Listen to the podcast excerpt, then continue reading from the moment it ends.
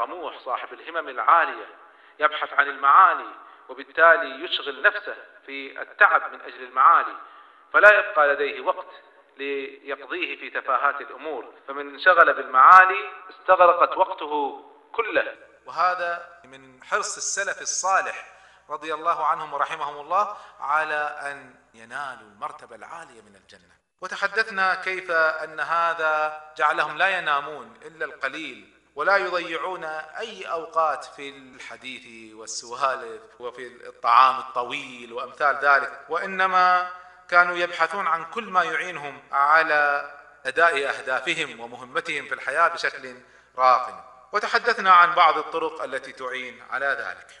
لو تخيلنا إنسانا يعرف أهمية الوقت وهو يحاسب نفسه باستمرار على ذلك وصاحب همة عالية ولا يضيع وقته بمشاغل أو أكل أو نوم أو غيره. واستعان بطرق تنظيم الوقت ونظم وقته تنظيما رائعا. ماذا سيحدث له؟ لا شك أن مثل هذا سيكون إنتاجه كبير.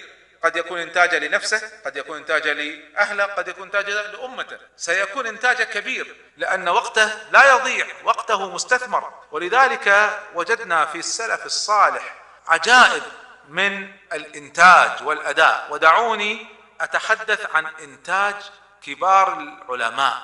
كمية هذا الإنتاج لما يتأملها الإنسان يتعجب سبحان الله. يستطيع الإنسان أن ينتج هذا الكم من الإنتاج؟ نعم يستطيع إذا كان قد استفاد من كل لحظة من وقته. يقول الحافظ ابن رجب في ترجمته لابن الجوزي رحمهم الله تعالى يقول لم يترك فنا من الفنون إلا وفيه مصنف وسئل عن عدد تآليفه. كم كتاب ألف؟ ابن الجوزي. تعرفون كم كتاب ألف؟ يقول ابن رجب زادت مؤلفاته على 340 مصنفا. عجيب. نحن الواحد اليوم لما يكتب له 10 كتب 15 كتاب الناس تتعجب منه. فكيف من ينتج 340 مصنف؟ وأما ابن عقيل فله تصانيف في أنواع العلوم. وتصانيفها تميزت بأنها ليست رسائل قصيرة وإنما عادة كتب كبيرة. بلغت كتبه الكبيرة حوالي عشرين كتابا من الكتب الكبيرة. من أكبرها كتاب الفنون وهو كتاب ضخم جدا. فيه فوائد كثيرة جليلة في الوعظ والتفسير والفقه وأصول الفقه وأصول الدين والنحو واللغة والشعر والتاريخ والحكايات والمناظرات والخواطر. يقول الحافظ الذهبي عن هذا الكتاب الذي للأسف يعني لم يصلنا. سبحان الله في تاريخنا ضاعت كثير من الكتب وخاصة عندما غزا المغول بغداد فأخذوا الكتب كانوا همج أخذوا الكتب حضارة البشرية فرموها في النهر وعبروا عليها. فضاعت أعداد كبيرة من الكتب. فبقيت لنا بعض الكتب وبقيت لنا آثار من بعض الكتب. كتاب الفنون وجدت منه يعني قطعة صغيرة فقط لكن السلف الذين شاهدوه ذكروا لنا هذا الكتاب. أنا قلت لكم هذا أحد كتب ابن عقيل ولما أقول لكم كبير جدا دعوني أوصف لكم حجم هذا الكتاب. يقول الحافظ الذهبي وتعرفون الحافظ يعني مرجع الأمة في ترجيح الرجال وتصحيح الأحاديث يقول عن كتاب الفنون لابن عقيل لم يصنف في الدنيا أكبر من هذا الكتاب. حدثني من رأى منه المجلد الفلاني بعد الأربعمائة. تخيل يقول أنا في واحد شاف المجلد اللي بعد الأربعمائة. قال ابن رجب يقول هو ثمانمائة مجلدة. يعني لما نتخيل ثمانمائة مجلد طبعا نتكلم مجلدات قد لا تكون مجلدات ضخمة مثل اليوم لكن حتى لو كانت كتيبات صغيرة تخيل ثمانمائة كتيب صغير. فكم حجم هذا الكتاب؟ وكم أنفق فيه من الأوقات؟ وكيف استطاع أن ينتج كل هذا الإنتاج في عمره؟ ونجد من أصحاب الهمم العالية التي يستصغر الإنسان نفسه أمامهم. أبو جعفر الطبري كان صاحب همة عالية رائعة. يقول لأصحابه تلاميذه وأصحابه قال أتنشطون لتفسير القرآن؟ قالوا ماذا تقصد؟ قال نجمع كل ما كتب عن تفسير القرآن في كتاب واحد. فطبعا بعد إزالة التكرار وكذا لكن نجمع كل ما قيل عن القرآن. فقالوا مشروع ضخم. قالوا كم يكون قدره؟ كم تتوقع لو خلصنا يكون حجم هذا الكتاب؟ قال ثلاثون ألف ورقة. ثلاثون ألف ورقة؟ يعني واحد يتخيل ما حجم هذا الكتاب؟ فردوا عليه. قالوا هذا مما تفنى الأعمار قبل تمامه. لو نفني أعمارنا كلها ما نخلصه فاشتغل فيه واختصر التفسير في ثلاثة آلاف ورقة. فله هذا التفسير. وأملى تفسير على تلاميذه في سبع سنين.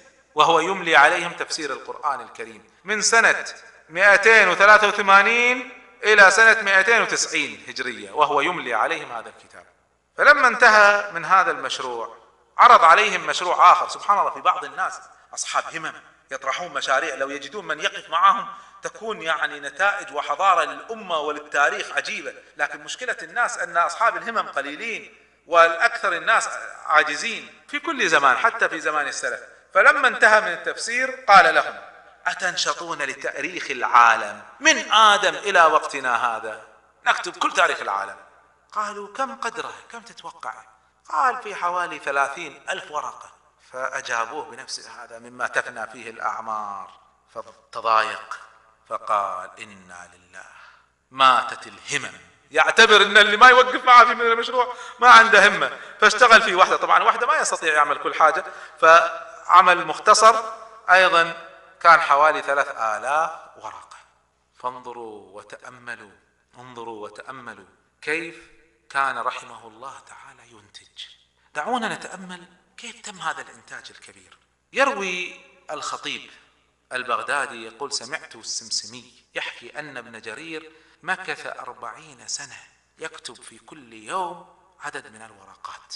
ويروي تلميذه الفرغاني في كتابه الصلة.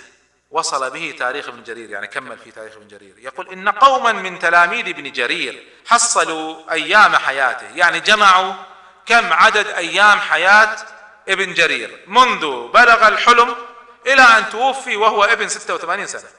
يعني حسبوا قالوا والله بلغ الحلم خلينا نقول 14 سنة مثلا ولا 13 سنة إلى 86 سنة يعني 73 سنة اعتبروها فترة الإنتاج في حياة الإنسان. ثم قسموا عدد الأوراق التي كتبها في حياته على عدد الأيام. يعني بيسوون متوسط العام. كم متوسط الأوراق التي يكتبها كل يوم؟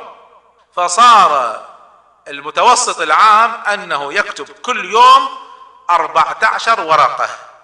14 ورقة تأليف في اليوم. يقول عنه الفرغاني يقول وهذا لا شيء لا يتهيأ لمخلوق. إلا بحسن عناية الخالق. يقول بعض العلماء وصل مجموع ما صنفه الإمام ابن جرير 358 ألف ورقة. أي أعداد رهيبة هذه التي نتكلم عنها؟ أي أعداد رهيبة هذه التي نتكلم عنها؟ شيء غريب من الإنتاج عطاء غير عادي. هذا فقط لمحة عن مؤلفات ابن جرير وقد صنفت المؤلفات حول مؤلفات ابن جرير. بعض الذين جمعوها وتركوها لنا اليوم تملأ يعني مكتبات كاملة.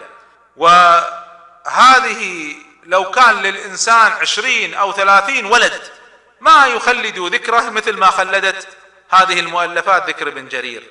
الأولاد يفنون وكثير من أمور الحياة تفنى وتدخل في طيات الإغفال والنسيان. أما هذا العلم هذه المؤلفات ذكر دائم حسن على مدى الزمان مضى على وفاة أكثر من ألف ومائة سنة وما زال الناس يتوالون. ذكر ابن جرير ومؤلفات ابن جرير وصدق الإمام ابن الجوزي إذ قال كتاب العالم ولده المخلد. أولادنا تفنى أما كتبنا وإنتاجاتنا ومشاريعنا في الحياة هي التي تبقى. ولننظر إلى العلامة القاضي الشوكاني محمد بن علي المفسر المحدث الفقيه الأصولي ذو التصانيف من أهل اليمن المباركة المتوفى سنة 1250 هجرية رحمه الله تعالى. يتكلم هو عن حاله ونشأته بصيغة الخبر. عن إنسان غائب. يقول يعني أنه إنسان كان عنده كذا وكذا ودروسه بلغت كذا وكذا تواضعا منه رحمه الله. فانظروا الآن هذا حديث مباشر. يقول وكان تبلغ دروسه ويتحدث عن نفسه لكن تواضع. تبلغ دروس الشوكاني في اليوم والليلة نحو ثلاثة عشر درسا. ثلاثة عشر محاضرة في اليوم من يفعل هذا؟ حدثوني. من يفعل هذا؟ إحنا إذا سوينا لنا محاضرتين في اليوم قلنا خلاص انتهينا ما فينا قدرة نوقف. 13 درس في اليوم منها ما يأخذه عن مشايخه بعض الدروس هو يحضرها ومنها ما يأخذه عنه تلامذته واستمر على ذلك مدة. ثم إنه فرغ نفسه لإفادة الطلبة. 13 درس هو يلقيها. تفرغ إنه يحاضر هو 13 درس. فكانوا يأخذون عنه في كل يوم زيادة على عشرة دروس. في فنون متعددة اجتمع منها في بعض الأوقات التفسير والحديث والأصول والنحو والصرف والمعاني والبيان والمنطق والفقه والجدل والعروض. فمن يحسن كل هذه الفنون إلا إنسان؟ يعني ما يحسنها فقط يعرفها يحسن أن يدرس فيها إلا إنسان صاحب همة عالية في تحصيلها. وهكذا وجدنا هذه النماذج. يقولون بلغت أسماء مؤلفاته 519 كتاب. بعض الكتب التي هي في عشر مجلدات وبعض الكتيبات الصغيرة في صفحات. فمن يفعل مثل هذا؟ وكم يحتاج الإنسان من وقت حتى يؤلف كل هذا؟ من أين جاء؟ حدثوني حدثوني من أين جاء كل هذا الوقت؟ إلا من بركة ومن همة ومن حسن تنظيم وعدم تضييع لحظة من اللحظات. وأما أبو الفرج ابن الجوزي رحمه الله تعالى فقد وصل إلى مرتبة لم أرى له منافسا فيها. نحن نتعجب من الشوكاني 519 مؤلف وابن عقيل وغيرهم. اسمعوا ماذا يقول الثقة الإمام ابن تيمية في كتابه الأجوبة المصرية. يقول كان الشيخ أبو الفرج ابن الجوزي كثير التصنيف والتأليف وله مصنفات في أمور كثيرة حتى عددتها. يعني من اللي عدها؟ عدها ابن تيمية بنفسه. يقول عديت. اسمعوا اسمعوا الكلام العجيب. يقول عددت بنفسي مؤلفات ابن الجوزي فرأيتها أكثر من ألف مصنف. هذا اللي عديتها بنفسي. ثم يقول ابن تيمية ورأيت بعد ذلك ما لم أعد. فأي قدرة هذه؟ ولذلك الحافظ الذهبي في تذكرة الحفاظ بعد أن ذكر عدد كبير من مؤلفات ابن الجوزي يقول وما علمت أحدا من العلماء صنف ما صنف هذا الرجل. إذا كلها تشير إلى معنى مهم معنى رئيسي وهو أن في تصنيف غير عادي في إنتاج غير عادي لماذا نحن نذكر كل هذه الأعداد والأرقام المدهشة؟ أنا أريد أن تفكروا معي. متى كتبت؟ متى تجمعت؟ متى هو جمع العلم الذي يستطيع أن يؤلف به كل هذا التأليف؟ يعني هو لم يولد عالما. إذا قضى سنين وهو يتعلم ثم بدأ يكتب. فإذا هذا معناه أن ما في ساعة ولا لحظة ضاعت من حياته وإنما أنفق كل وقته لهذا الفضل العظيم وهذا الأجر الكبير. طبعا هذا ليس معناه أنه ابن الجوزي أعلم من غيره لا شك أن الصحابة والسلف الصالح أعلى منه. المسألة ليست بكثرة الكتابة لكن نحن نذكر هنا هذه المعاني لأجل أمر هام وهو أن نعرف أن هذا تحقق لبعض البشر. استطاع الإنسان وهو يملك مثلنا 24 ساعة في اليوم استطاع هذا الإنسان أن ينتج هذا الإنتاج الكبير. ونحن نستطيع. لو شئنا لكن ولا حول ولا قوة إلا بالله قضية الهمم ضاعت. وإذا كان ابن الجوزي قد ألف هذا العدد الكبير فتبقى مؤلفات ابن الجوزي حينة سهلة. لأنه من الوعاظ أكثر من كونه من العلماء والكتابة الوعظية والنصح والإرشاد والخواطر وال يعني الأقوال والاستشهادات أمرها سهل بالمقارنة مع الكتابة العلمية الدقيقة وخاصة إذا كانت مناظرات وأدلة وبحوث وإثباتات واستشهادات علمية فعندها تكون الكتابة صعبة. ولننظر في ذلك إلى حال شيخ الإسلام العظيم ابن تيمية أبي العباس أحمد بن عبد الحليم المولود سنة 661 هجرية المتوفى سنة 728 هجرية. 57 سنة. توفي وترك خمسمائة مجلد تأليفا. ليس فيها طرق الوعظ السهلة وإنما كلها كتابات عقائدية تنظيرية تفصيلية فقهية أصولية فتاوى ردود على المنحرفين هذا الكتابة بهذه الصورة متعبة ليست كالكتابة الوعظية. ومع ذلك وصل عدد مجلدات ابن تيمية إلى أكثر من 500 مؤلف ولم يخلف هذا الإمام الجليل من الدنيا سوى الكتب وثياب بدنه.